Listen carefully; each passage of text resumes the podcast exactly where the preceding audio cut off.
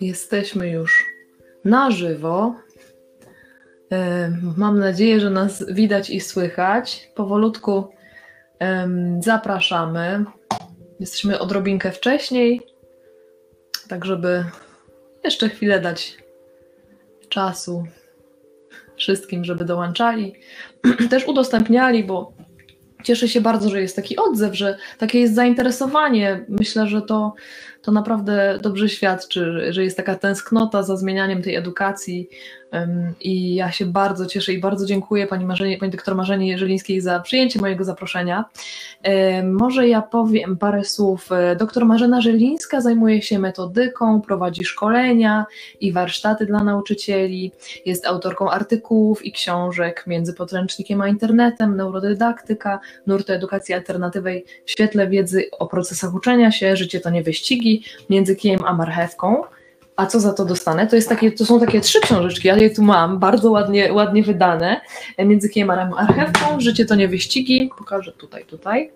I trzecia to jest, a co za to dostanę? Także to polecam też wszystkim, jeszcze może później o tym słowo opowiemy. E, przez wiele lat dr Marzena kształciła przyszłych nauczycieli i prowadziła seminaria metodyczne. Od wielu lat zajmuje się również tworzeniem materiałów dydaktycznych umożliwiających uczniom rozwijanie kreatywności, autonomii i krytycznego myślenia. Stworzyła i prowadzi Fundację Budząca się Szkoła, której celem jest inicjowanie oddolnych zmian, systemu edukacji. Prowadzi firmę szkoleniową Edukatorium, marzy o szkołach, do których uczniowie i nauczyciele będą chodzić z radością. Wierzy, że wszystko jest możliwe, o ile sami uwierzymy, że mamy wpływ na to, jak wygląda świat wokół nas. Jeśli chcemy, żeby był lepszy, musimy inaczej wychowywać dzieci. E, bardzo mi się podoba ta notatka i, i ta w niej taka nadzieja zawarta, że, że to każdy z nas ma wpływ na to, jak ten świat wygląda. I jeżeli, jeżeli byśmy um, pozwolili sobie właśnie na, na takie poszukiwanie, inspirowanie się wzajemne dobrą energią, myślę, że, że to byłby świat po prostu coraz piękniejszy. E, oddaję teraz głos doktor Marzenie, więc pozwolę sobie zadać pierwsze pytanie. Jaka jest Pani wizja dobrej szkoły? To jestem teraz, a witam Państwa serdecznie. E, to jestem teraz bardzo w temacie, ponieważ Pani pokazała trzy części mm, tych książek, które są książkami dla dzieci, ale ja uważam, że one jeszcze bardziej są książkami dla dorosłych. I teraz piszę czwartą część, i już w tej trzeciej części jest sporo o wizji e, szkoły takiej innej, a w czwartej części Budełko, ten e, główny bohater, jedzie do e, krainy wzgórz cynamonowych i tam ogląda te szkoły. To jest oczywiście wizja moja, jak szkoła mogłaby wyglądać. Nie musi, ale mogłaby. E, cały czas, całe dnie tym żyję, cały czas się zastanawiam, jak to by mogło być, jak to, ponieważ ja myślę, że my potrzebujemy potrzebna byłaby taka prawdziwa zmiana. Wszystkie zmiany, które myśmy mieli, bo tak jak żyjemy, niezależnie od tego, ile kto żyje, to e, im dłużej, tym więcej pamięta reform systemu edukacji. To jest jedna reforma za drugą i te reformy tyle zmieniają, żeby wszystko zostało po staremu. Tak naprawdę nic się nie zmienia, poza tym, żeśmy wstawili do szkół komputery, takie listki figowe, I, I dalej dzieciaki siedzą w ławkach, nauczyciel stoi przed tablicą interaktywną i dalej mówi, a zadaniem uczniów jest siedzieć, słuchać i reprodukować, i ten, kto lepiej reprodukuje, e, ten dostaje e, lepsze oceny. Mm, to, to, ten model szkoły się w ogóle nie zmienia, od 200 lat się nie zmienia.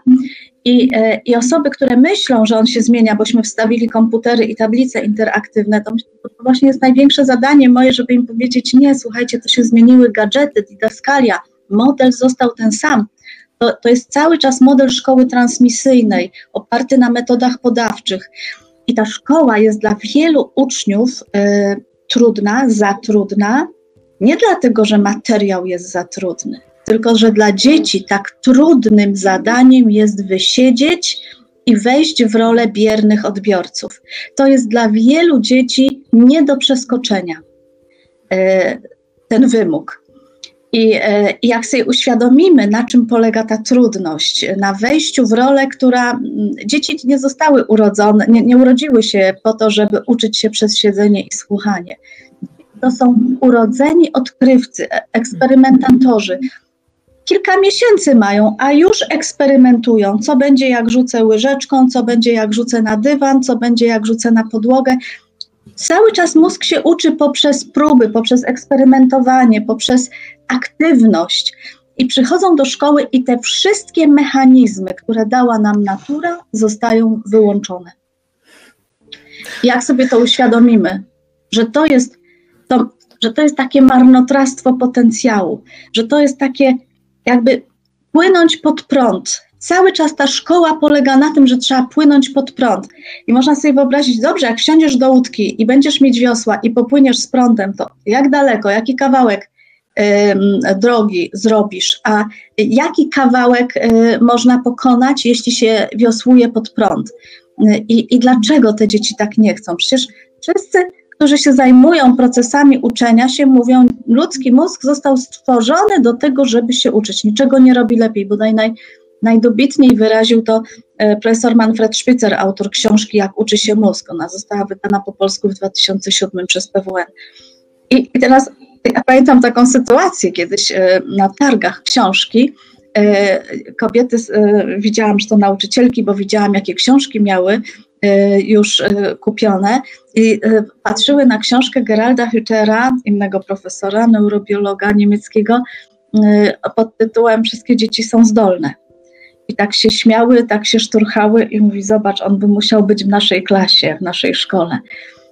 I jak jak my tego nie, nie rozumiemy, jak, jakby ten system nas, to znowu nie jest wina nauczycieli, ale mm, ten system tak wychował nauczycieli. Ja jestem, zajmuję się metodyką, więc, więc znam tę tradycyjną metodykę, że to jest wszystko oparte na tym, żeby y, z, wrzucać tematy i mówić teraz się naucz tego, teraz się naucz tego, teraz się naucz tego i ja ci będę podawać, a, a ty tylko masz to y, sobie przyswoić to, to jest za trudne, bo, bo natura stworzyła dzieci zupełnie inaczej. I trzeba zmienić fundament. Mhm. Trzeba też... zmienić fundament, a nie drobne zmiany wprowadzać. Mhm, mhm. I też jeżeli chodzi o potrzeby naszych czasów, prawda, to być może sprawdzało się te 200 lat temu, natomiast tak. teraz przy, przy takim natłoku danych, informacji, no to, to zmieniły się zupełnie rzeczy, które, które są jakby istotne, prawda? I prace, które nasze dzieci będą wykonywać, jeszcze właściwie nawet mogą nie istnieć, dopiero się pojawią. Cała na przykład dziedzina danologii, to jest w ogóle nowa dziedzina nauki o przetwarzaniu danych, a no właśnie w szkołach trochę, trochę mało o tym mówią. Znaczy, w, ogóle, w ogóle o takim czymś nie trzeba mówić, tylko to trzeba robić, mhm. bo, e, bo kiedy 200 lat temu ten model szkoły powstawał, to, e, no to wtedy te metody podawcze były naturalne. Wtedy e, kto, kto miał w domu książki, kto miał w domu czasopisma, były już wtedy, to było, był okres oświecenia, były już wtedy czasopisma, ale ile osób mogło sobie na to pozwolić?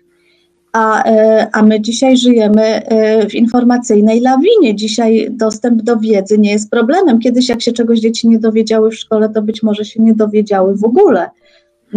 I, I, musiał ten nauczyciel przekazać tę wiedzę, tak? Ale jesteśmy 200 lat później. My, my, my, mamy szkołę, model szkoły, który powstał na potrzeby świata, którego już nie ma. I on jest zupełnie niedostosowany do potrzeb y, obecnego świata, do, do rewolu, rewolucji informa, informacyjnej, jaka się dokonała, i do potrzeb dzieci, które zupełnie inaczej są wychowywane. Pani Mario, ja mam takie pytanie krótkie do Pani. E, widzi Pani, że my jesteśmy rzeczywiście na żywo? Tak, tak, dostałam informację, że nas słychać i wszystko jest bardzo dobrze, także... Bo ja nie widzę komentarzy i dlatego Aha. o to pytam. Ja spróbuję e, bo tutaj udostępnić. Bo zazwyczaj są komentarze i jak się je widzi, to, to też człowiek ma takie poczucie interaktywności, że po drugiej stronie są ludzie, słuchają, tak, zgadzają tak. się albo nie zgadzają, mhm. E, ale, mm, ale jakoś reagują i to wtedy e, bardzo pomaga. Tak, tak, tak. Właśnie próbuję tutaj. To znaczy, ja widzę, widzę w drugim okienku jakby te komentarze jest na razie jeden komentarz i też tak w ramach takiej struktury właściwie chciałam też poprosić e, uczestników o mm, zadawanie pytań na końcu, tak żebyśmy też miały jakiś rytm tej rozmowy taki mm -hmm. niezaburzony. Także to myślę dla... Dobrze, jak Pani jest Ja pewna, na pewno będę... Prze... tak, tak, będę przekazywać na bieżąco jakieś pytania, jak się pokazują, w miarę jak się będą pokazywać i na pewno to będzie zapisane, także mam nadzieję, że ten cenny materiał nie, nie zniknie. Czyli wizja, wizja dobrej szkoły. Zaczęliśmy właściwie trochę od tego, jak to, jak to mm, wygląda, no, że to faktycznie nie przystaje. Czyli rozumiem, że wizja jest taka, że byłaby to szkoła, która właśnie odpowiada na potrzeby naszych czasów i, i tak jak wcześniej wspominaliśmy, e, cieszy zarówno nauczyciela, jak i ucznia. Czy takie coś jest możliwe w ogóle? Ależ oczywiście, że jest możliwe. Przecież jest już dużo szkół alternatywnych i znamy te szkoły alternatywne od wielu, wielu lat, y, i, i, i tak nawet stuleci. I, I to za każdym razem tak samo wychodzi. Im mniejsza, y, im bardziej odchodzimy od pedagogiki hydraulicznej, czyli im mniejsza presja, y, tym mniejszy opór. I, i ten opór przed szkołą, nauką My nie możemy tego przemilczać. Szkoła nie jest lubianą instytucją. Ja pamiętam kiedyś, no już parę lat temu w Austrii zrobiono e, taki ranking instytucji najmniej lubianych. I zawsze pytam, jak myślicie, na którym miejscu była szkoła? I wszyscy mówią, szkoła wygrała, a ja mówię, nie, była na drugim miejscu, za dentystą. E, także austriackie dzieci najbardziej nie lubiły dentysty, a zaraz potem była, była szkoła. I, I to jest też coś, mm, e, czego nie chcemy wprost mówić. Szkoła nie jest lubianym miejscem. Bardzo, bardzo wiele dzieci szkoły nie lubi. A jeśli lubią, to popatrzmy, teraz to było tak bardzo widoczne, kiedy po pandemii wracały do szkoły. Tak bardzo, jeśli się cieszyły, to na to, że się spotkają z rówieśnikami, z przyjaciółmi, że do ludzi, tak? Dzieci ciągną do ludzi. Natomiast to były, to były tak, one były takie rozbite, bo z jednej strony się cieszyły, a z drugiej strony, jak wiedziały, że to urealnienie wyników, prawda, że je, co je teraz czeka, jak, jak to nadrobić. Niektórzy nauczyciele uważali, że nadrobić oceny to jest to, co, co trzeba nadrobić. Jak człowiek się zastanowi, to nie, na, to nie chodziło o naukę, nie chodziło o to, że teraz, jak, jak przyjdą do szkół, to będziemy mogli ten czas jeszcze na intensywną naukę wykorzystać mamy w zbudzących się szkołach, mamy różne przykłady nauczycieli, którzy idą inaczej. Nie chcę powiedzieć pod prąd, bo oni płyną z prądem, wykorzystując właśnie potencjał uczniów. E, I kiedy są nauczyciele, tacy jak Magda Sierocka, nauczycielka angielskiego z 267 w Warszawie, to jest publiczna, zwyczajna szkoła, E, I kiedy Magda e, nie stawia ocen, tak, ona mówi, za to, że będziecie się uczyć, nie dostaniecie ode mnie żadnej szóstki, piątki, czwórki, trójki, nie dostaniecie ode mnie gwiazdki, słoneczka, kwiatka, nie dostaniecie ode mnie nawet pochwały. Zrobię wszystko, żeby Was wspierać, żebyście mogli realizować swoje własne plany, ale, ja, ale ode mnie za naukę niczego nie będziecie mm, dostawać, bo Wy się chcecie, powinniście uczyć dla siebie. Tylko taka nauka ma sens dla siebie. I u niej nie ma ocen, nie ma stopni.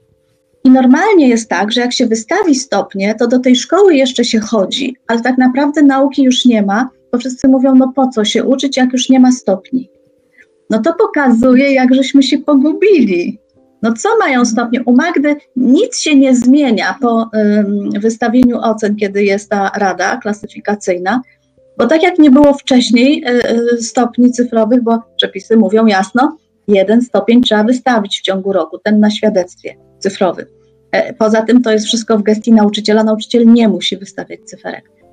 I, I kiedy nie ma tych cyferek, to nagle do końca się uczą bo, e, bo, bo, bo to ma sens, bo przecież robią to dla siebie, przecież lekcje są ciekawe. I, i, I to jest przykład, który pokazuje, że jeśli mamy te stopnie i uczysz się dla stopni, to jak trzy tygodnie albo dwa tygodnie przed końcem roku jest rada i już nie ma ocen, to przecież nikt cię nie będzie, nie będzie taki głupi, żeby się uczył. I to jest ta trzecia część moich skrzatów, o tym jest.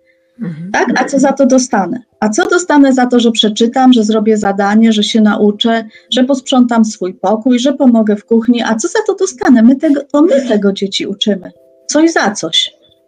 Niestety, niestety tak to jest. Ja myślę sobie, jaka to jest olbrzymia strata Bo ja teraz z perspektywy czasu widzę, jak edukacja może być fascynująca, właśnie jak jest w odpowiedni sposób podana, jak zdobywanie wiedzy może być przyjemnym, kreatywnym procesem. E, I jak smutne jest to, że faktycznie, y, no niestety, ten głód wiedzy i entuzjazm bywa niszczony. I ja się bardzo cieszę właśnie, że, że o tym mówimy, bo, ta, bo zauważyłam, że też ludzie boją się trochę o tym mówić, że jakoś tak się może wstydzą trochę, że nie chcą jakoś tak wracać do tych wspomnień. Czasami to bywa też trudne dla ludzi, a ja myślę, że im jaśniej to nazwiemy, tym większa szansa, że coś może się zmieni w tym aspekcie, prawda? No, oczywiście, że tak. E, Im więcej się o tym mówi, im więcej osób e, zaczyna rozumieć, dlaczego to jest złe, bo, bo najtrudniej jest ludziom wytłumaczyć, dlaczego to, co mamy, jest złe. Mhm. E, jest taki norweski pisarz Karl Ove Knausgård, który w swoich genialnych książkach takie zdanie chyba w pierwszym tomie napisał: Tego, co widzi się zawsze, nie widzi się nigdy. Ponieważ wyrośliśmy w takim modelu szkoły, opartym na przymusie, opartym na rywalizacji, opartym na tym, że zawsze coś na coś, na, za, na, coś za coś, narysuj szlaczek, dostaniesz złotą gwiazdkę, naucz się wierszyka, dostaniesz piątkę, rozwiąż zadanie, tak cały czas coś za coś, to nam się wydaje, że nie ma alternatywy, ale alternatywa oczywiście jest. Przecież wszyscy reformatorzy edukacji nam pokazywali inne, lepsze rozwiązania. Tylko ten model szkoły, który my mamy, nie stworzyli go ani reformatorzy edukacji, ani nauczyciele. On został stworzony przez pruskich urzędników i w taki sposób, żeby się wszystkich dało łatwo kontrolować, żeby łatwo się dało kontrolować szkoły, żeby łatwo się dało kontrolować dyrektorów, nauczycieli i uczniów. I on temu służy, łatwej kontroli, a nie wspieraniu potencjału uczniów.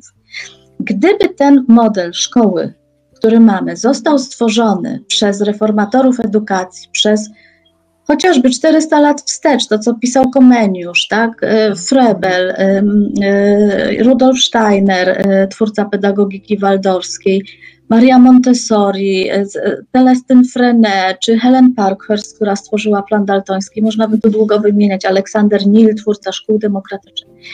E, Peter Petersen, e, jej na plan, tak? E, nawet nie wiem, jak to się po polsku nazywa. I, i gdyby to uwzględnić to, co oni mówili, to mielibyśmy zupełnie inne szkoły. Nikt z reformatorów edukacji nie kładł nacisku na pomiar dydaktyczny. Wszyscy, wszyscy mówili o tym, jak stworzyć, jak, jakie środowisko powinniśmy stworzyć, które daje szansę na to, że w optymalny sposób dzieci, uczniowie, młodzi ludzie będą mogli rozwijać swoje talenty. I to jest to, co wszystkich interesowało. A popatrzmy, jakim środowiskiem dydaktycznym są y, szkolne klasy. Ławki, krzesła, tablica, gazetka na ścianie, podręczniki, zeszyty ćwiczeń z lukami, w które trzeba wpisywać jedną dobrą odpowiedź. Czy to jest bogate, czy to jest ubogie środowisko dydaktyczne? Ja powiem tak, trudno mi wyobrazić sobie uboższe. uboższe. I jak sobie to uświadomimy, że to jest, tak brzydko mówiąc, po taniości, żeby to było jak najtańsze i żeby te dzieci przechować jak najtańszym, najniższym kosztem, yy, i, i, i żeby im wtłaczać te porcje wiedzy zapisane E, w podstawie programowej. No więc piszę teraz tę czwartą część, szkoła na miarę szyta. I, e, i, I tam jest szkoła, w której są przyszkolne ogrody, w której jest kuchnia, e, w której jest sala teatralna, w której są najróżniejsze możliwości, gdzie można się uczyć do życia, nie do testu. Bo w życiu nie liczy się to, co ja wiem, tylko co umiem zrobić z tym, co wiem. Co umiem z tym zrobić? Jak umiem to zastosować? Na teście wystarczy, że ja zaznaczę ABCD, czyli ta nauka do testów nie sprawdza zdolności mm, zastosowania wiedzy, nie sprawdza kompetencji. Te proste testy z tym zero-jedynkowym kluczem, który my mamy, one One w ogóle mało co sprawdzają, ponieważ nie umiemy z pomocą takich prostych testów sprawdzać tego, co w życiu najważniejsze. Największą wagę przywiązujemy w szkole do tego, co umiemy sprawdzić za pomocą tych naszych prostych, żeby nie powiedzieć prymitywnych testów. I, e, I to jest to nieszczęście, że to nie przygotowuje do życia, że, to, że, że ten model szkoły zabija chęć do nauki, że tak wiele dzieci, naprawdę tak wiele dzieci jest zniechęconych nie tylko do szkoły, tylko do uczenia się, tak wiele dzieci traci w szkole wiarę w siebie, w swoje możliwości. I teraz jak to, jak to zmienić? Jak stworzyć e, szkołę i, i w tej szkole moich marzeń, ja nie mówię, że tak musi być, tak może być, e, taka jest moja wizja. E, na koniec, kiedy się kończy jakiś etap, to nie ma egzaminu, który polega na tym, że nauczyciel sprawdza, czego uczniowie nie umieją. On nie wchodzi w rolę policjanta, który mówi na pewno czegoś nie umiecie, a ja zaraz sprawdzę czego. Mhm. Wielu z nas sobie znowu nie potrafi tego wyobrazić, że jest alternatywa. Jest alternatywa. Tak, dzisiaj jest tak, że jeśli dziecko napisze, ucząc się mm, pisać literki, napisze 20 literek, załóżmy K, i 12 wyjdzie y, idealnie, kilka będzie takich średnich, a dwie będą nieudane, bo dziecko wyjdzie poza liniaturę. To nam się wydaje oczywiste, że co zaznaczymy na czerwono? No te dwie nieudane próby. A czemu nie 12 udanych i kilka jeszcze do tego całkiem, całkiem udanych? Mhm. Czyli mówimy o takiej jest... zmianie mentalności kompletnie. Metoda zielonego zmiana. ołówka, czyli y, akcentowania tego, co wyszło, skupiania się na tym, co było dobrze. Co już i umiesz. zachęcania do poprawy tego, co, co było niekoniecznie dobrze. Bo ja przypuszczam, że nauczyciele też jakoś chcą mieć narzędzia, którymi mogą dać informację zwrotną, czy dziecko umie, czy nie umie. Też są, przypuszczam, bardzo zagubieni, też nie, nie za bardzo wiedzą, jak sobie z tym poradzić, no bo piątka, czwórka, trójka to jest e, jakby łatwe narzędzie, w jakimś sensie się może wydawać, prawda? Ono jest proste, ale ono jest zupełnie nieefektywne. No proszę sobie wyobrazić, że pani pisze e, mm, jakieś opowiadanie i dostaje pani trójkę. Mhm. No, no i co, co z tego? Co z tej trójki wynika? E, czy kompozycja jest zła, tak? Czy, czy e, nie ma wstępu, czy wstęp nie jest połączony, nie łączy się z tą częścią główną, czy to zakończenie jest jakoś oderwane, czy nie ma zakończenia, e, czy logika, czy ten tekst jest niespójny kompletnie, czy ortografia szwankuje, czy interpunkcja szwankuje, czy jeszcze, no przecież różnych kategorii tego, co nie, nie zadziałało, jest mnóstwo. I teraz jak mam wiedzieć, jak się poprawić, jeśli ja nie wiem, trójkę dostałam, no i co teraz z tym? Nic nie wiem, jak się poprawić. A do tego jeszcze dochodzą predyspozycje wewnętrzne, prawda? Że niektórym zajmie więcej wykonanie mm, pracy, a niektórym mniej. No, niektórzy mają predyspozycje mocniejsze w różnych aspektach i to, to jest bardzo trudne. Ale do tego dochodzi jeszcze jak, jak skrzypek, skrzypek na dachu, ale z trzeciej strony są też badania i to, i to e, w wielu krajach wiele razy przeprowadzone, kiedy e, tę samą pracę sprawdzało wielu nauczycieli. I w wielu, wielu tych eksperymentach była wykorzystana cała skala ocen. Czyli w zależności od osoby można było uznać, że ta praca jest do niczego lub że była rewelacyjna. To jest przecież subiektywne. No tak. Tak. Czyli właściwie możemy przejść do mojego drugiego pytania. Przesz, przeszłyśmy już do tego pytania. Czy obecnie funkcjonujący model szkoły utrudnia uczenie się? Niestety chyba odpowiedź będzie twierdząca, obawiam się, tak? No tak, no utrudnia. Ja myślę, że szkoły, y, które mamy nie tylko w Polsce, żeby to była jasność, że to są, chociaż nie wszystkie są takie jak nasze i wiele szkół już w wielu krajach idą y, w stronę y, no, szkoły takiej XXI wieku, ale w wielu tych, te nasze szkoły są miejscem niesamowitego marnotrawstwa. Marnujemy mm, talenty dzieci. To jest nasze największe dobro narodowe. Nie ma większego dobra narodowego niż talenty dzieci. Ale ponieważ y, mm, ten model pruski, który mamy, zakłada, że wszystkie będą się rozwijać w taki sam sposób, robiąc to samo w takim samym tempie, to jest niemożliwe. Znowu powołam się tutaj na profesora Geralda Hüchera, e, neurobiologa, e, który mówi, to jest nie tylko niemożliwe, żeby wszystkie dzieci rozwijały się w tym samym tempie, to jest głęboko nieetyczne, e, wymagać tego od nich. No wyobraźmy sobie, że przenosimy mm, te, te zasady obowiązujące w szkole, że wszyscy to samo w tym samym czasie na dzieci młodsze i mówimy, wszystkie dzieci, które mają 12 miesięcy, mają umieć chodzić. Mhm. Tak? Albo jak ma 7 miesięcy, to ma umieć siedzieć. Albo ma umieć, jak ma 8, ma umieć raczkować. Teraz jedno zaczyna raczkować Y, chociaż nie ma jeszcze 8 miesięcy, inne ma 9 miesięcy czy 10 i jeszcze nie raczkuje, a inne w ogóle opuszcza ten y, etap rozwojowy. To nie jest dobre, ale są takie dzieci, które w ogóle nie raczkują. Mhm. Tak? I, y, I od razu idą dalej. I teraz, i, i co? I teraz je oceniamy. Przypiniam, przypinamy im łatkę. To samo z mówieniem. Jedno zaczyna mówić szybciej, drugie zaczyna mówić gorzej. Czy to, że dziecko zaczęło mówić gorzej, zaczęło mówić później, oznacza, że będzie mówić gorzej, to nie ma żadnego znaczenia, kiedy zaczęło mówić. Ale jedna rzecz ma znaczenie. Jak my, dorośli, podchodzimy do dziecka, które zaczęło później mówić. Jeśli będziemy temu dziecku wmawiać, że jest głupsze, bo jest wolniejsze, to to będzie miało wpływ na jego rozwój. Czyli sam fakt tego, że ktoś rozwija się w innym tempie niż y, większość dzieci z jego rocznika, nie ma żadnego znaczenia ale opinie, jakie dorośli formułują i, i informacje, jaką wysyłają do tego dziecka, na skutek tego, że jest w czymś wolniejsze, się wolniej rozwija, to ma wpływ na, e, na rozwój dziecka.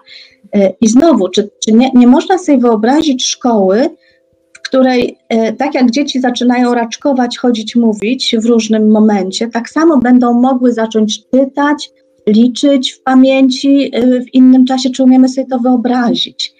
Ja umiem. I wiele osób umie. Tylko jeśli myślimy, że TINA, tak, skrót angielski, że nie ma alternatywy, no to mówimy, nie ma alternatywy, to no, trzeba te dzieci teraz większą presję po prostu, no wysyłać te komunikaty, że jesteś gorsza, jesteś, bo dziecko nie myśli sobie, że jestem wolniejszy. Dziecko sobie myśli, jestem głupszy, tak, jak dostałem znowu y, tak mało punktów na sprawdzianie. Gdyby miało to dziecko więcej czasu, to dostałoby zapewne zupełnie inną e, ocenę, ale my chcemy, żeby one na czas pracowały. Proszę zobaczyć, tego nigdzie nie ma w żadnej podstawie programowej. To tak na, nauczyciele tak spod dużego palca, że na to będziesz gdzie 15 minut, a na to 30. My się tak często bez refleksji do tego podchodzimy i sobie myślimy, no tak, to, to tak zawsze było, że na czas trzeba było i potem będzie matura i będziesz musiał na czas napisać, to ja ci teraz w pierwszej klasie też nie dam więcej czasu. To jest błąd, to jest, to jest metodyczny, poważny błąd, to jest źle, to jest coś, co e, może podciąć skrzydła na całe życie. To jest bardzo przykre, że takie, że takie rzeczy mają miejsce. I to jeszcze przy, w dzisiejszych czasach, kiedy my mamy już taki dostęp do wiedzy, prawda? Że mamy już tyle informacji, jakby tyle badań, co się sprawdza, co, a co nie działa. Um, Ale szkoła jest odporna na wiedzę. Szkoła jest bardzo odporna na wiedzę i to, co każdy psycholog wie, na przykład, każdy psycholog wie, każdy terapeuta wie, że lepiej jest pracować na zasobach. Mhm. E, że trzeba znaleźć człowieku jego silne strony i na tym oprzeć wszystko. To jest skuteczniejsze, a nie na mankamentach. A my cały czas ten model szkoły, no 200 lat temu nie było jeszcze w ogóle psychologii, w ogóle o, o, o, o mózgu, jak działa mózg, że mamy neurony, że neuroprzekaźniki. Tak, to y, y, nauczyciele wtedy, oczywiście y, ludzie, którzy tworzyli model szkoły, nie mieli o tym wszystkim zielonego pojęcia i uznano, że, że, że, że to prawda, nie można wymusić, żeby wszyscy rośli w tym samym tempie, żeby im włosy rosły w tym samym tempie, to wiemy, że to jest różnie, ale w mózgu to jakoś się wszystkim wydawało, że może być tak samo i można to zaordynować, jak ma być.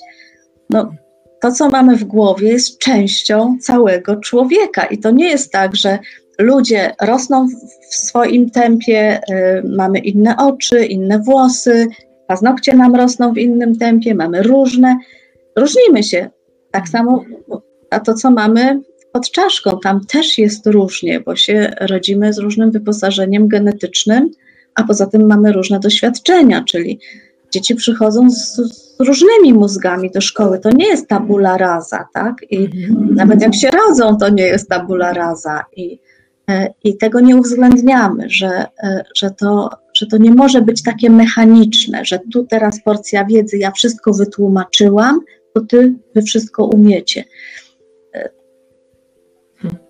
Czyli usłyszałam, że, że, bardzo ważna jest taka przestrzeń, stworzenie przestrzeni uwzględniającej różnice e, i różnorodność i też w sposobie uczenia się i w tych właśnie zasobach mm, i, i tak, takie uwzględnianie tych potrzeb e, też różnorodnego tempa rozwoju indywidualnego człowieka, prawda? I różne tempo, i różne potrzeby rozwojowe. E, bo, bo można sobie wyobrazić, że jeśli jakieś dziecko kiedyś będzie tancerzem, a inne będzie y, prawnikiem, a ktoś będzie tresować y, zwierzęta, a ktoś będzie fizjoterapeutą, y, a ktoś będzie w, motorniczym, może już nie będzie tramwajów, to będzie jakiś inny zawód. Tak różne zawody, tak różne talenty Y, czy, czy, może, czy, jak się zastanowimy, czy to jest możliwe, żeby w ten sam sposób przez wiele lat prowadzić kogoś, kto będzie kiedyś tancerzem, albo będzie śpiewakiem, albo, albo będzie ogrodnikiem, albo prawnikiem, czy oni mogą iść tą samą drogą przez tyle lat? I czy to nie jest, czy, i to, że, że wszystkich tą samą for, foremką formatujemy, czy to nie jest okaleczanie? Ja wiem, to jest mocne słowo, Mocne słowo, okaleczony przez szkołę, ale ja myślę, że tak jest, że ten system edukacji, który jest oparty na takiej urawniłowce, powoduje, że, że, że, że, to, że to okalecza ludzi i, i to, że kiedy powstawał ten model edukacji, twórcy nie myśle, tego systemu nie myśleli o o tym, o czym wie dziś każdy psycholog. Nie myśleli o tym, y, y, o czym dzisiaj wie każdy neurobiolog, y, o tym, o czym wie każdy pedagog. Oni tego nie wiedzieli, ale my wiemy. Mhm. I teraz, jeśli się to wie, czy można utrzymywać coś, co zostało stworzone wtedy, kiedy tej wiedzy nie było? Albo była nie. Fantastyczne pytanie, tak, tak. E, no ja mam takie marzenie właśnie, żeby nauczyciele, żeby też rodzice byli wyposażeni w takie kompetencje, takie narzędzia merytoryczne, które po prostu ułatwią im ten proces edukacji, bo dla mnie edukacja jest o tym, e, co ja robię właściwie na, na co dzień z moimi dziećmi, tak? Są wakacje, ale ja chcę ich nauczyć takiej mentalności, że nie, nie odpoczywamy od edukacji, bo edukacja to jest życie, to jest czytanie, to jest poznawanie nowych rzeczy, to jest, to jest dialog, jaki my prowadzimy, to jest uważność na naturę, to jest bycie w kontakcie z emocjami, umiejętność nazywania potrzeb, rozpoznawania ich, dbałość o, o, o ciało, o ruch, wczuwanie się też w, twoje, w swoje ciało, czego ono potrzebuje. No i mam takie marzenie właśnie, żeby, żeby ludzie też y, jakoś zwracali na to większą uwagę, bo to jest bardzo pomocne, tak myślę. Tak, bo człowiek się uczy cały czas. To nie jest tak, że człowiek uczy się w szkole. E, ja nawet myślę, i, i też są takie badania, które e, sprawdzają, gdzie się więcej uczymy, czy w szkole, czy poza nią. I się okazuje, fińskie badania takie, które pokazały, że większość kompetencji, które ludzie potem w życiu wykorzystują, zdobyli poza szkołą.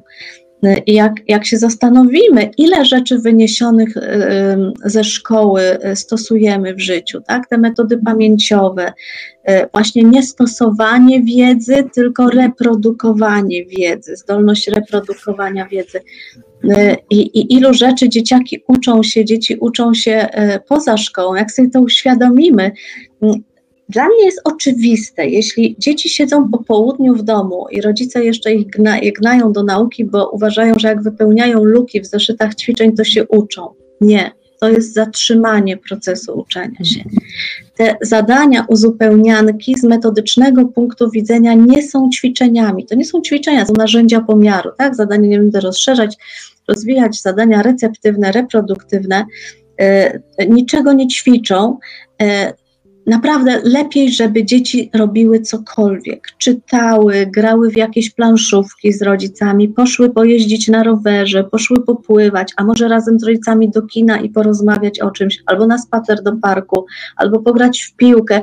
Wszystko to bardziej rozwija niż robienie, y, wpisywanie y, w luki y, odpowiedzi, które się gdzieś tam przeczytało, gdzieś się nauczyło.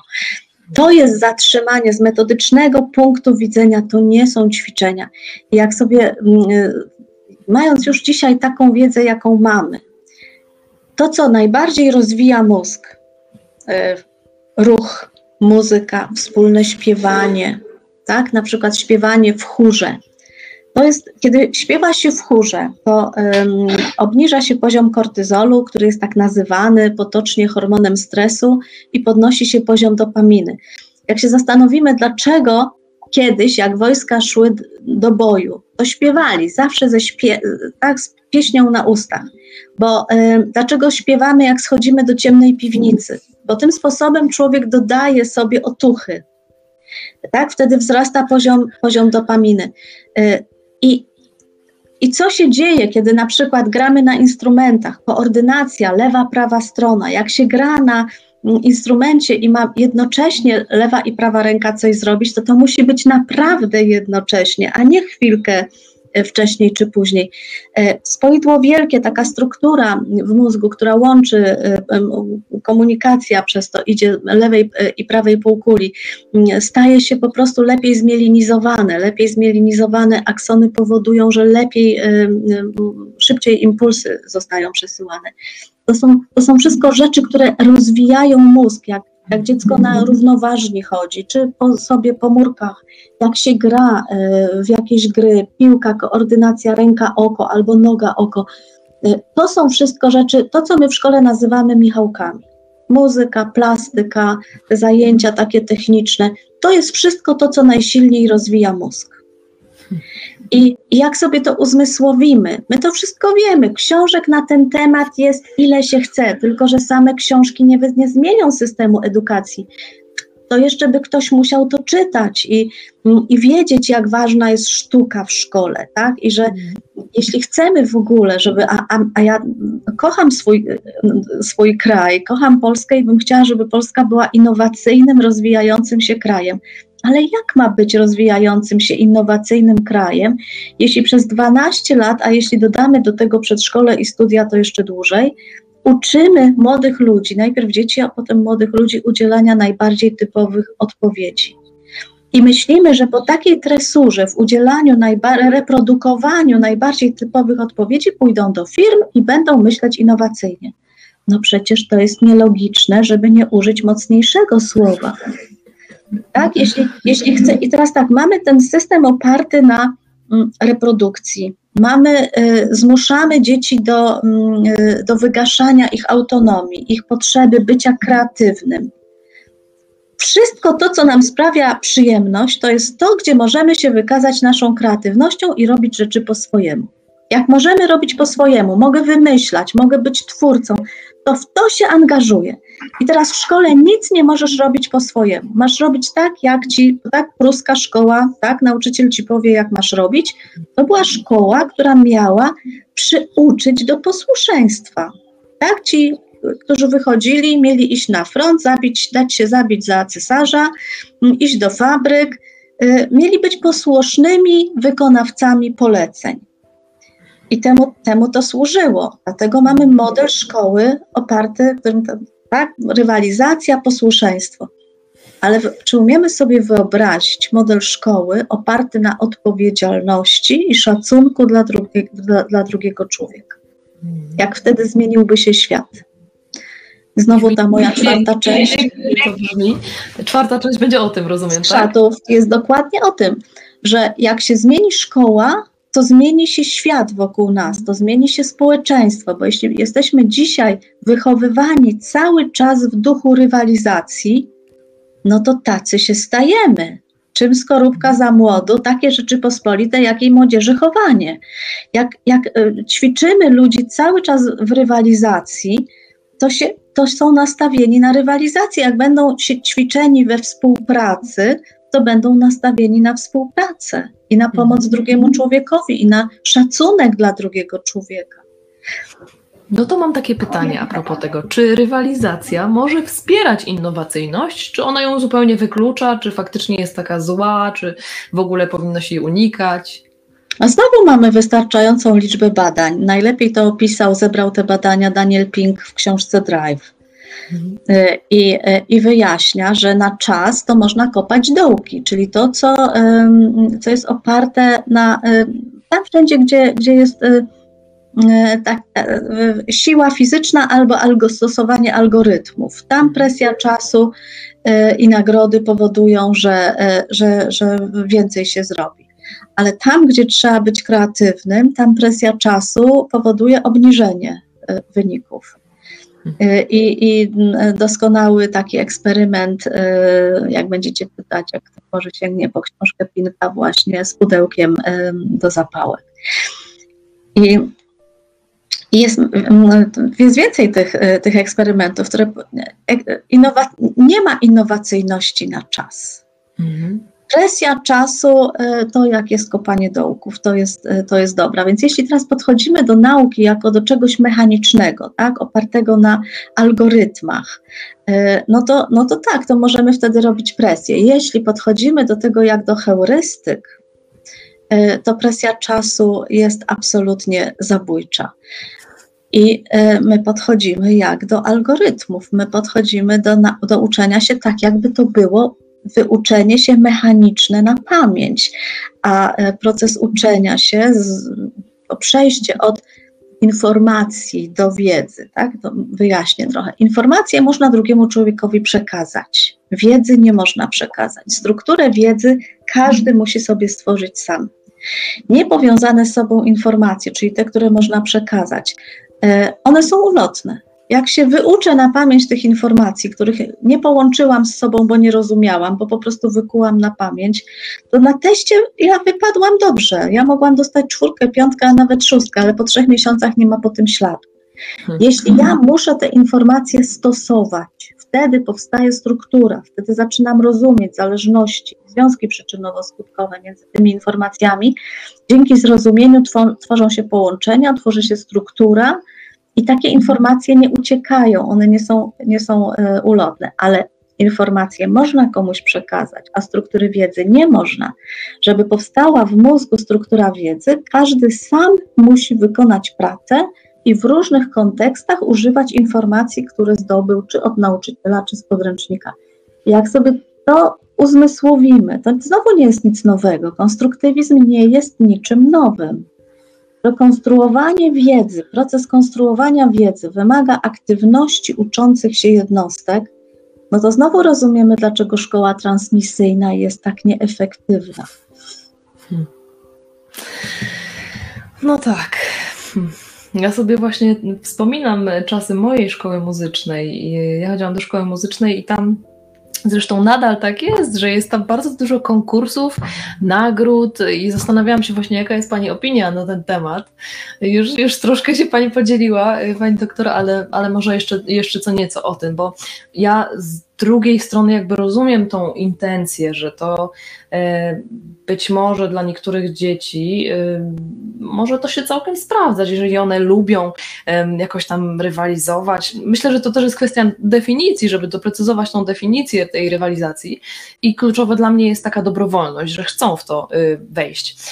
Ale w szkołach muzycznych nie ma dobrowolności. Jak chcesz mieć szóstkę, to musisz wystąpić na tych pokazach, występować.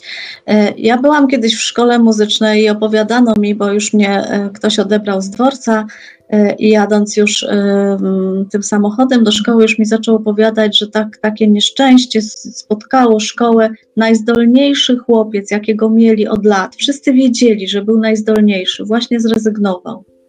A dlaczego zrezygnował, pytam, bo nie potrafił sobie dać rady z tym stresem y, związanym z występami.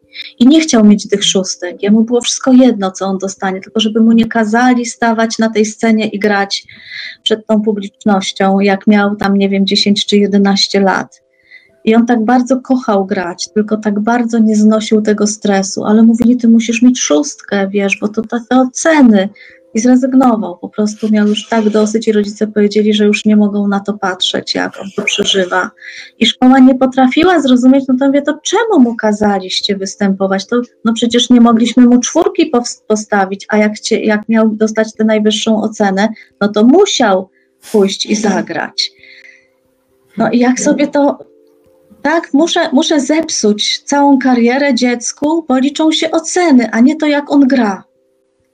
No myśmy się pogubili jako dorośli i, i myślę sobie, że w szkołach muzycznych, o których jak się tam nie jest w środku, to się myśli, że to jest tak talent, że to jest takie romantyczne, że to jest takie, a to jest, to jest często tak bardzo inaczej i tak bardzo stresowo. I, i niektórym się wydaje, że jak się tak y, przymusi, tak naprawdę y, hydraulicznie przyciśnie, to wtedy się wyciśnie z tych dzieci najlepsze. I ja w to nie wierzę. Ja, ja uważam, że, że gdyby to robić inaczej, po ludzku, to też mielibyśmy ludzi, którzy by pięknie grali, tylko byśmy inaczej do tego samego dochodzili. Czego przykładem jest na przykład Andy Stern, prawda, który nigdy nie chodził do szkoły, a, a jest wyposażony w takie kompetencje, że no, jest to bardzo imponujące. On też, on też y, y, buduje gitary, prawda, i gra na... Jest lotnikiem, tak. Jest tak. lotnikiem i, i gra na instrumencie i zajmuje się muzyką i nie zrobił tego bez żadnej presji. On nie chodził do szkoły i, i, on mógł się uczyć tego, co chciał, a rodzice podążali za zresztą jego mama jest nauczycielką, prawda, która mm. pracowała w szkole. Teraz to już jest starsza pani, ale wtedy, kiedy on był dzieckiem, mama uczyła w szkole, a swoje dziecko zostawiła w domu i on się uczył. No, są, są genialne książki. Nigdy nie chodziłem do szkoły tak, czy zabawa. Tak, polecam, czy książka, potem. Czy książka Alfabet, to jest też genialna książka, bo kto zna film Alfabet, to książka jest uzupełnieniem, to jest e, dopełnienie do, do filmu. I, I, on w alfabecie pokazuje, jak on wychowuje swojego, y, pisze o tym, jak, y, jak wychowuje swojego syna. Y, dokładnie na tych samych metodach oparł wychowanie swojego dziecka. I, I co to znaczy podążać za dzieckiem? To jest w alfabecie pokazane genialne, ale też książka, proszę zobaczyć jeszcze książka Arno Szterna, jego ojca, mhm. który stworzył Malort, czyli to miejsce, tak. gdzie można było malować nie według algorytmów. Tylko według, tak, to właśnie to są te heurystyki. I, e, i każde dziecko, dziecko nie było uczone, jak rysować. I mhm. e, Arno Stern e, w tej swojej książce jak ona się nazywa? Ślad. Tak, śladu. Odkry, odkrywanie śladu. Tak. Mm. On opisuje, jak rysowały dzieci kiedyś po wojnie mm, we Francji, no bo mm, on we Francji, chociaż Niemiec, bo on uciekł mhm. z faszystowskich Niemiec przed Hitlerem. Jak dzieci malowały po wojnie, a jak teraz coraz tak, tymi uszkolnionymi umysłami, jak inaczej malują. Odbył też podróż, kiedy pisał swoją książkę. Odbył podróż, był w dżungli, był na Syberii, był e, u dzieci mm, w eskimoskich. Zjechał niemal cały świat i stwierdził, wszystkie dzieci, które nie chodzą do szkoły takiej systemowej, e, u nich są pewne prawidłowości, jak malują, jak rysują, jak przetwarzają, to jak pokazują świat. Natomiast dzieci z uszkolnionymi umysłami, e, tymi okaleczonymi, one już y, nie mają tej ekspresji i, i, i ta kreatywność została już y, przycięta. I to jest, to jest porażające, jak, jak, jak, bo on też daje przykłady, są zdjęcia tych prac, które to pokazują. Mhm. Tak. To jest bardzo smutne i ja, przychodzą mi do głowy przykłady właśnie osób, które były niezwykle e, zdolne i miały umiejętności gra, gry na instrumentach e, po tych szkołach muzycznych, natomiast potem zupełnie zrezygnowały z tego, bo im to po prostu zbrzydło. On, nie, nie, jakby ta muzyka została w jakiś sposób e, no, odarta z, te, z tej radości. No i oczywiście powody mogą być różne, natomiast bardzo jestem ciekawa, czy w ogóle są takie badania, czy takie dane, właśnie ile osób po szkołach i akademiach muzycznych nadal praktykuje zawód i jakoś e, z tej muzyki korzysta, czy też e, no bo ja jestem muzykiem, ale robię także inne rzeczy i muzyka mnie jakoś niesie, natomiast doświadczyłam zarówno systemu tutaj polskiego, ale potem na studia wyleciałam do Anglii i tam y, też weszłam na ścieżkę muzyki rozrywkowej, jazzowej, a wcześniej to była muzyka klasyczna, czyli bardziej taka odtwórcza, że nutka w nutkę. No oczywiście też piękna i, i też cudowna i to jest, y, można w niej bardzo, bardzo się spełniać. Natomiast jak ja odkryłam ten świat rozrywki, improwizacji i tego, że można z siebie tyle dać w tej przestrzeni dźwięków, to ja się w tym No właśnie i teraz proszę zobaczyć te egzaminy w szkołach muzycznych, w szkołach muzycznych, tak? Wyjdzie taki y, chłopiec, nic przeciwko tym dzieciom, bo to tam mamusia mu tu jeszcze grzywkę tam przy, tym przyklepie, żeby tutaj ta grzywka była i on tutaj tu zagra tak jak trzeba, tam tutaj tak, wszystko jest, tempo trzyma, zagrał tak, no w taki szkolny, prawidłowy sposób. Mhm. A potem wejdzie jakiś, który przeżywa, który tu widać po swojemu, że on to czuje, ale gdzieś tempa nie trzymał, ale gdzieś to było zbyt inne, tak to nie było szkolne. I co który dostaje piątkę? No ten z tą przylizaną grzywką, co mu tam mamusia ten garniturek jeszcze poprawiała, tak? I mu tam codziennie mówiła tyle ćwicz i on tam, no, no, no, no wie Pani, co ja teraz mówię, tak? tak no tak zagrał, jak tam, no, no poprawnie było wszystko. A ten, który to czuje i to widać, bo on chodzi cały jak gra, on to, to widać, że to jest przeżyte, on nie dostanie piątki. Mhm.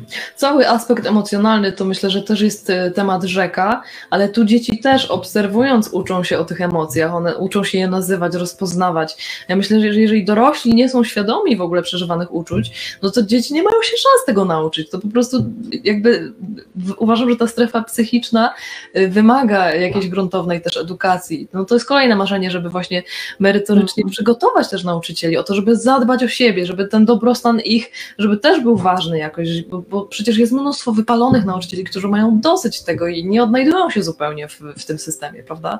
Także teraz moje następne pytanie brzmi tak więc... Ale ja jeszcze do tego tak? pytania chcę coś powiedzieć, bo, bo mm, to jest właśnie ta sfera psychiczna, ta sfera związana z emocjami, z czytaniem, z rozumieniem swoich emocji, cudzych emocji, także na, w szkole tego nie ma. W szkole nie ma emocji, to znaczy są, jest strach, jest stres, jest radość, jak coś tam, są emocje, ale nie, nikt, nikt się o nich nie uczy. Układ oddechowy żaby jest czymś ważnym, a nasze emocje, tak jak działa nasz układ limbiczny, jest czymś, czego nie ma w ogóle y, w szkole, w przestrzeni szkolnej. I w tej trzeciej części już, a co za to dostanę, czyli w tej, która jest, tam już są, y, tam już jest powiedziane, jakie przedmioty są w tej szkole moich marzeń, mojej wymarzonej. E, I nie ma przedmiotów, są obszary i są moduły. W ramach każdego obszaru są moduły do wyboru i wszystkie obszary są do wyboru oprócz jednego obszar relacji. Hmm. To dotyczy każdego człowieka i tam są takie moduły: emocje, empatia, rozumienie siebie i innych, uważność, skuteczna komunikacja, sztuka słuchania, gniew i frustracja, jak rozpoznawać własne potrzeby. Jak teraz się zastanowimy, oczywiście w czwartej części będzie trochę opisane, ale jak ta struktura, to już Raptunia opowiadała w trzeciej części. Czy, czy układ oddechowy żaby jest ważniejszy niż umiejętność skutecznej komunikacji? Ilu z nas kłóci się, bezsensownie się kłóci, bo kompletnie nie rozumie, że nie mogę wygrać, że, że ja mogę komuś udowodnić y, coś tam, ale jak on potem będzie się czuł, jak on mnie będzie traktował, jak ja mu jeszcze przy innych udowodnię, że nie miał racji. Jeśli się teraz zastanowimy, to czy warto? Czy mhm. warto ranić innych, czy warto udowadniać, że się ma rację? Y, albo jeśli nie, nie czytam tych emocji drugiego człowieka, tak, to jeśli nie umiem tego rozpoznawać, a, a tego można się nauczyć, tak jak można się wielu innych rzeczy nauczyć, tak można się też nauczyć rozpoznawać emocje. Są ludzie bez empatii. E, to jest związane ze stylami przywiązania, jakie wynieśliśmy z dzieciństwa. Tak? Mamy ten jeden bezpieczny styl relacji, przywiązania i trzy lękowe. I teraz, jeśli sami byliśmy wychowani w taki sposób, żeśmy się musieli przystosować do warunków, ten styl ambiwalentny, że Mm, e, że po prostu dziecko wygasza w sobie emocje, bo tak bardzo rodzice, nie opiekunowie nie dostrzegają jego emocji, że ono, no, ono po prostu wygasza e, w sobie potrzebę, potrzebę emocji. To, no to nie możemy to są, to są kluczowe rzeczy, zupełnie kluczowe rzeczy. To był styl unikający, o którym teraz powiedziałam, że wygasza w sobie. O tym można powiedzieć, zdaje się w książce Potęga Obecności. O ile Potęga Obecności, to jest genialna książka, tak, genialna, która dotyczy bardzo, tak. każdego tak. człowieka. Dzięki tej książce ja mogę tak zdiagnozować siebie, wiedzieć, jaki ja styl relacji miałam z moimi rodzicami, ale też jaki ja mam dzisiaj z moimi dziećmi. Dlaczego powstają konflikty? Tam są genialne, proste obrazki i wypowiedzi dziecka i rodzica. Jak reagujesz? I teraz czytam sobie i myślę sobie, kurczę, ja tak właśnie reaguję, tak właśnie mówię. Tak, córka na przykład się złości, dziewczyna, bo wychodzi na imprezę i nie może znaleźć jakiejś bluzki, którą chciała koniecznie ubrać, a ja stoję i mówię, bo gdybyś miała porządek w rzeczach, bo ja ci zawsze mówiłam, żebyś porządek miała, gdybyś miała to poukładane, wyprane i wyprasowane, tak jak ja ci mówiłam tyle razy, to ty byś teraz się nie wkurzała, ale ty mnie nie i tak dalej, tak? I mm. teraz to, to ta dziewczyna jest sfrustrowana, zdenerwowana, bo tu chce iść czegoś nie może, a ja dokładam, a ja dolewam oliwy do ognia, tak? I w końcu mi odpowie, jeszcze bezczelna do tego jesteś, tak?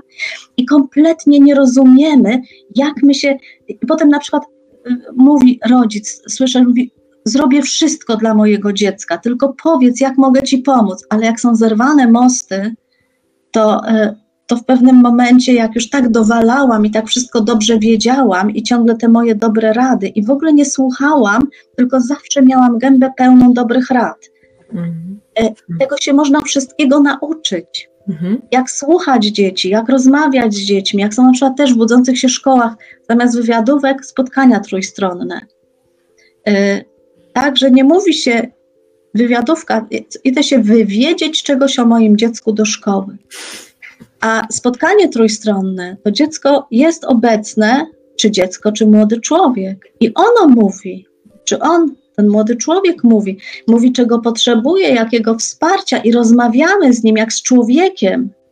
To, że on jest mniejszy, mniej waży, niższy, to co to, to nie ma nic do powiedzenia, to my dorośli za jego plecami, o nim. I to są znowu takie rzeczy, no ale tak zawsze było. Tego, co widzi się zawsze, nie widzi się nigdy no to było źle. Przez całe stulecia chodziliśmy do wychodków, dziś nie chcemy. Tak zawsze było, a dziś chcemy mieć łazienki z bieżącą ciepłą wodą, yy, tak, spłuczki, wodę i w ogóle takie, ta, tak było, a chcemy inaczej, chcemy lepiej. I dlaczego postęp jest moż, możliwy, yy, yy, jeśli chodzi o higienę, a nie jest możliwy, jeśli chodzi o nasz świat, naszego umysłu, naszych emocji? I, I to jest coś, my tu jesteśmy jeszcze tak daleko w tyle, my już tyle teoretycznie ludzkość ma tę wiedzę, dużo już wie, no oczywiście o mózgu nie wiemy wszystkiego i w ogóle nie wiemy, czy kiedyś będziemy wszystko wiedzieć, ale, e, ale my dużo wiemy i my kompletnie nic z tego nie stosujemy, jakby ta cała wiedza psychologiczna, e, psychologia rozwoju, psychologia pamięci, w ogóle nie przekłada się na to, jak funkcjonują szkoły. Terapeuci wiedzą, opieramy wszystko na zasobach, a szkoła cały czas, jeśli, masz, jeśli jesteś z czegoś świetny, a z czegoś jesteś zagrożony, to sieć, ja wiem, że ty nie będziesz e, matematykiem, bo jesteś noga z matematyki, nie, nie cierpisz matematyki, ale nie będziesz się zajmować historią, którą, którą kochasz, tylko sieć nad matematyką i, i korepetycje dostaniesz z matematyki a nie żeby być lepszym z tego, z czego jesteś świetny i co prawdopodobnie w życiu będziesz robić. Tak, I wielu z nas nie widzi w tym nic dziwnego. Tak, no to, to jest chyba w tym wszystkim najsmutniejsze, właśnie ten brak świadomości i takie przyzwyczajenie się do tego stylu. E, może jakaś też bezradność, że, że właściwie to nie da się nic zmienić, a ja tak nie uważam, że ja uważam, że da się coś zmienić i zresztą Ależ oczywiście, naj, najlepszym przykładem, bo w, w, szkołach systemowych da się zmieniać e, to podejście, prawda? I to, tym właśnie zajmuje się edukatorium, budzące się szkoły, prawda? Może jeszcze kawałeczek o tym powiemy, nie wiem jak poziom energii, ale fantastycznie się słucha, nie chciałabym nadużywać tutaj, czyli wprowadzanie kultury rozwijania potencjału w miejsce kultury błędu. I to dzieje się właśnie dzięki osobom, które jak wezmą odpowiedzialność. I to, to co pani doktor też powiedziała o mm, przekazywaniu, no, czy też jakiejś informacji zwrotnej, czy, czy jakimś upominaniu, czy, czy w ogóle komunikacji. Dziecko w ogóle nie jest w stanie przecież przyjąć pewnych rzeczy. Jest takie fajne powiedzenie, connection before correction, czyli zanim, no jakby jak dziecko znajduje się w czerwonej strefie, gdzie jest zestresowane, gdzie zalane tak. kortyzolem, nie ma możliwości w ogóle zrozumieć, co ja do niego mówię, więc ja tak. muszę najpierw, najpierw wyciszyć otoczyć go jakoś, przytulić i, i, jakoś uspokoić, pomóc mu, pomóc mu wyregulować te emocje, a dopiero potem jest miejsce na jakąś, czy zwrócenie uwagi, czy też, no oczywiście nie jest to proste, ja wiem jako mama, że nieraz y, no, to, to, to wymaga olbrzymiej cierpliwości, olbrzymiego wglądu i takiego też dystansu do, do też y, właśnie emocji dzieci, kiedy one na przykład, gdy są zezłoszczone, to nie branie tego na siebie, tylko stanie obok, towarzyszeniu. Dla mnie mi się bardzo podoba słowo towarzysz, towarzyszka, mm. czy po prostu mm, takie, takie może przewodnictwo, y, bycie, bycie No dlatego w tych moich książkach, w tej szkole marzeń nie ma nauczycieli, są wspiericiele. Wspiericiele, to słowo uwielbiam. Tak, właśnie, to, to słowo jest y, prze, przepiękne. Wspiericiele, właśnie. I to nie jest równoznaczne z tym, że dzieci są bezstresowo wychowywane i pod kloszem, tylko to jest dla mnie to jest. Absolutnie nie, absolutnie nie. Chodzi o to, że dzisiaj one absolutnie nie wykorzystują swojego potencjału. Y, to jest, to jest miejsce największego marnotrawstwa, szkoła. Jak sobie, jak widzę, jak dzieci potrafią się rozwijać, kiedy mogą, y, kiedy nauczyciel daje im przestrzeń, żeby one y, szły w tym kierunku, który, który je pociąga. No, no, podam przykład, no, czy Joasia Hoffman, czy Kalina Stefaniak to są nauczycielki, które pracują z moimi książkami w klasach 1-3 E, I, e, I, jak mi przysyłają e, relacje i nagrane filmiki, ja zresztą też brałam udział w niektórych lekcjach u Joanny Hoffman na Zoomie w czasie zdalnej edukacji, patrząc właśnie jak te zadania, jak sobie dzieciaki radzą z zadaniami. Zresztą Jasia jest współautorką zadań. I, I jak widziałam, jak one trudne zadania robią, E, bo one sobie wybierają. Ale co jest najlepsze? Mówią Pani Jasiu, ale można by wymyślić jeszcze lepsze zadanie. No proszę, to wymyślajcie. Nigdy nauczyciel nie dałby tak trudnego zadania, jak one sobie same wymyślają, bo ta książka jakby cała jest oparta na kreatywności. I teraz do mojej kreatywności kreatywny nauczyciel, taki jak Joanna, czy y, Kalina, czy Wiesia Mitulska, one dodają swoją kreatywność i dzieciaki też czują się zaproszone do bycia kreatywnym i znowu dodają swoje, i wtedy dzieją się takie rzeczy.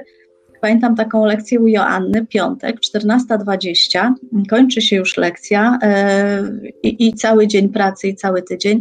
I jeden chłopiec mówi: Pani Joasiu, czy by się dało załatwić, żebyśmy mieli jeszcze dzisiaj godzinę dłużej?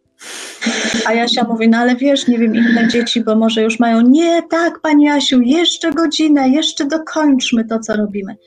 I jak ja widzę, co one robią, jakie trudne zadania, i to nie tylko to, że wchodzą w trudniejsze zadania, uczą się dużo więcej, one jeszcze to lubią, bo człowiek lubi być kreatywny. I jak porównuję to, że to u innych jest orka na ugorze, że słyszę, że nie chcą, że y, ciągle tam są za słabe, że mm, niezainteresowane, że nie włączają y, monitorów, że nie uczestniczą w lekcjach, a tutaj aż, aż kipi od wszystkiego i takie są na przykład zadania matematyczne, nam są bardzo różne zadania, również dotyczące skutecznej komunikacji, tak, oparte na porozumieniu bez przemocy, ale też dotyczące matematyki, są dane i ułóż zadanie lub zadania do podanych danych. Proszę Pani, pyta mnie jeden, a ile trzeba ułożyć? Ja mówię, wystarczy jedno, ale możesz dwa, jak będziesz chciał. Proszę Pani, ja ułożę dziesięć. Ja mówię, nie, dziesięć to przesada, nie układaj dziesięciu zadań. To jeszcze ile to czasu? Mówię, trzeba napisać takie zadanie. Ja ułożę, proszę Pani, 15. I zaczynają tak, ile oni ułożą. I ja, i, Joasia i ja ich zatrzymujemy, tyle nie musi być. Potem mówią, 8 ułożyłem i już się zmęczyłem. Tak?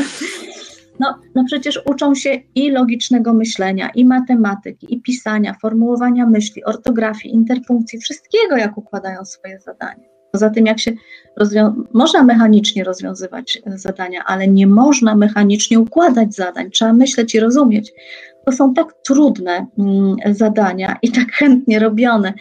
Ja wiem, że dzieci się chcą uczyć. Ja wiem, że chcą tylko inaczej niż oczekuje tego typowa szkoła.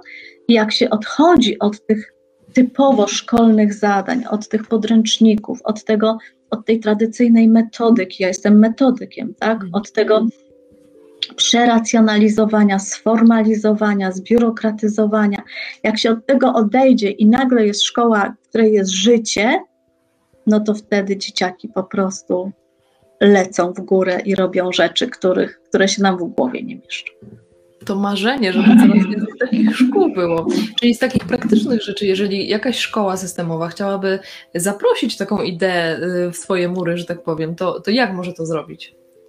No to, to trochę bym musiała opowiadać, a, a, mamy już mało czasu, więc ja zapraszam na Facebook Budzącej się Szkoły i w zakładce filmy jest tak, taki mój live, y, który nosi tytuł Jak przystąpić do budzącej się szkoły.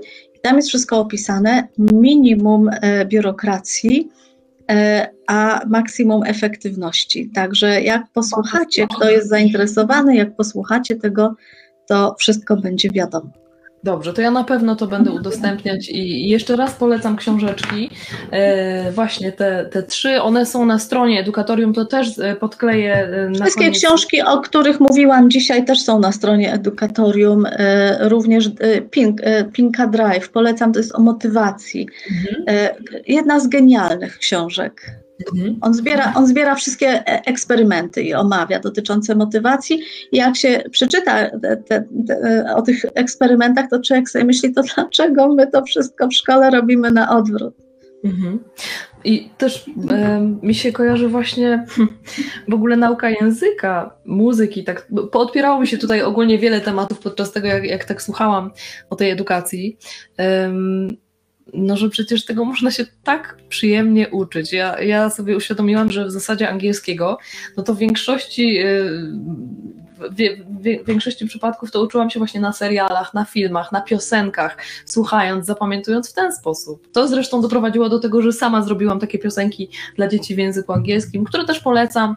Dzisiaj darmową dostawę do piątku. Y, to jest taka książeczka z płytą i są, są tam też podkłady do samodzielnego śpiewania, żeby dzieci same śpiewały. Są teksty, są tłumaczenia. Estetycznie też chciałam, żeby to nie wiem, czy widać, nie widać chyba. E, ale żeby to było takie estetyczne, widać. ładne i przy, przyjemne. I też właśnie, żeby dziecko brało w tym udział, czyli samo śpiewało, czyli ma tam podkład i ono sobie samo najpierw sobie słucha, uczy się i śpiewa. Także to też na muzyce rozwojowej też udostępnię. Ta rozmowa jeszcze będzie dostępna, bo bardzo, bardzo wiele wniosła i, i ja będę zachęcać wszystkich do, do korzystania właśnie z tych zasobów, z, z, tych fantastycznych treści, jakie pani doktor też popularyzuje i uświadamia. Miałam jeszcze właśnie pytanie, jak, jak edukować rodziców i uświadamiać ich o tej konieczności zmian w podejściu do edukacji, ale to już w zależności, czy, czy ma pani przestrzeń na odpowiedź, czy, to chyba, była, to chyba byłby temat na e, drugą rozmowę. Bo Dobrze, może to... Ja bardzo zapraszam ponownie, jeżeli będzie chęć. To jeszcze raz bardzo serdecznie dziękuję za czas, za podzielenie się swoją wiedzą e, i życzę wszelkiego dobra. Będę na pewno e, polecać i, i, i promować właśnie te, te, te fantastyczne pomysły na polepszanie edukacji w Polsce. Dziękuję serdecznie. Pięknie, dziękuję również. Do usłyszenia. Do usłyszenia, do widzenia.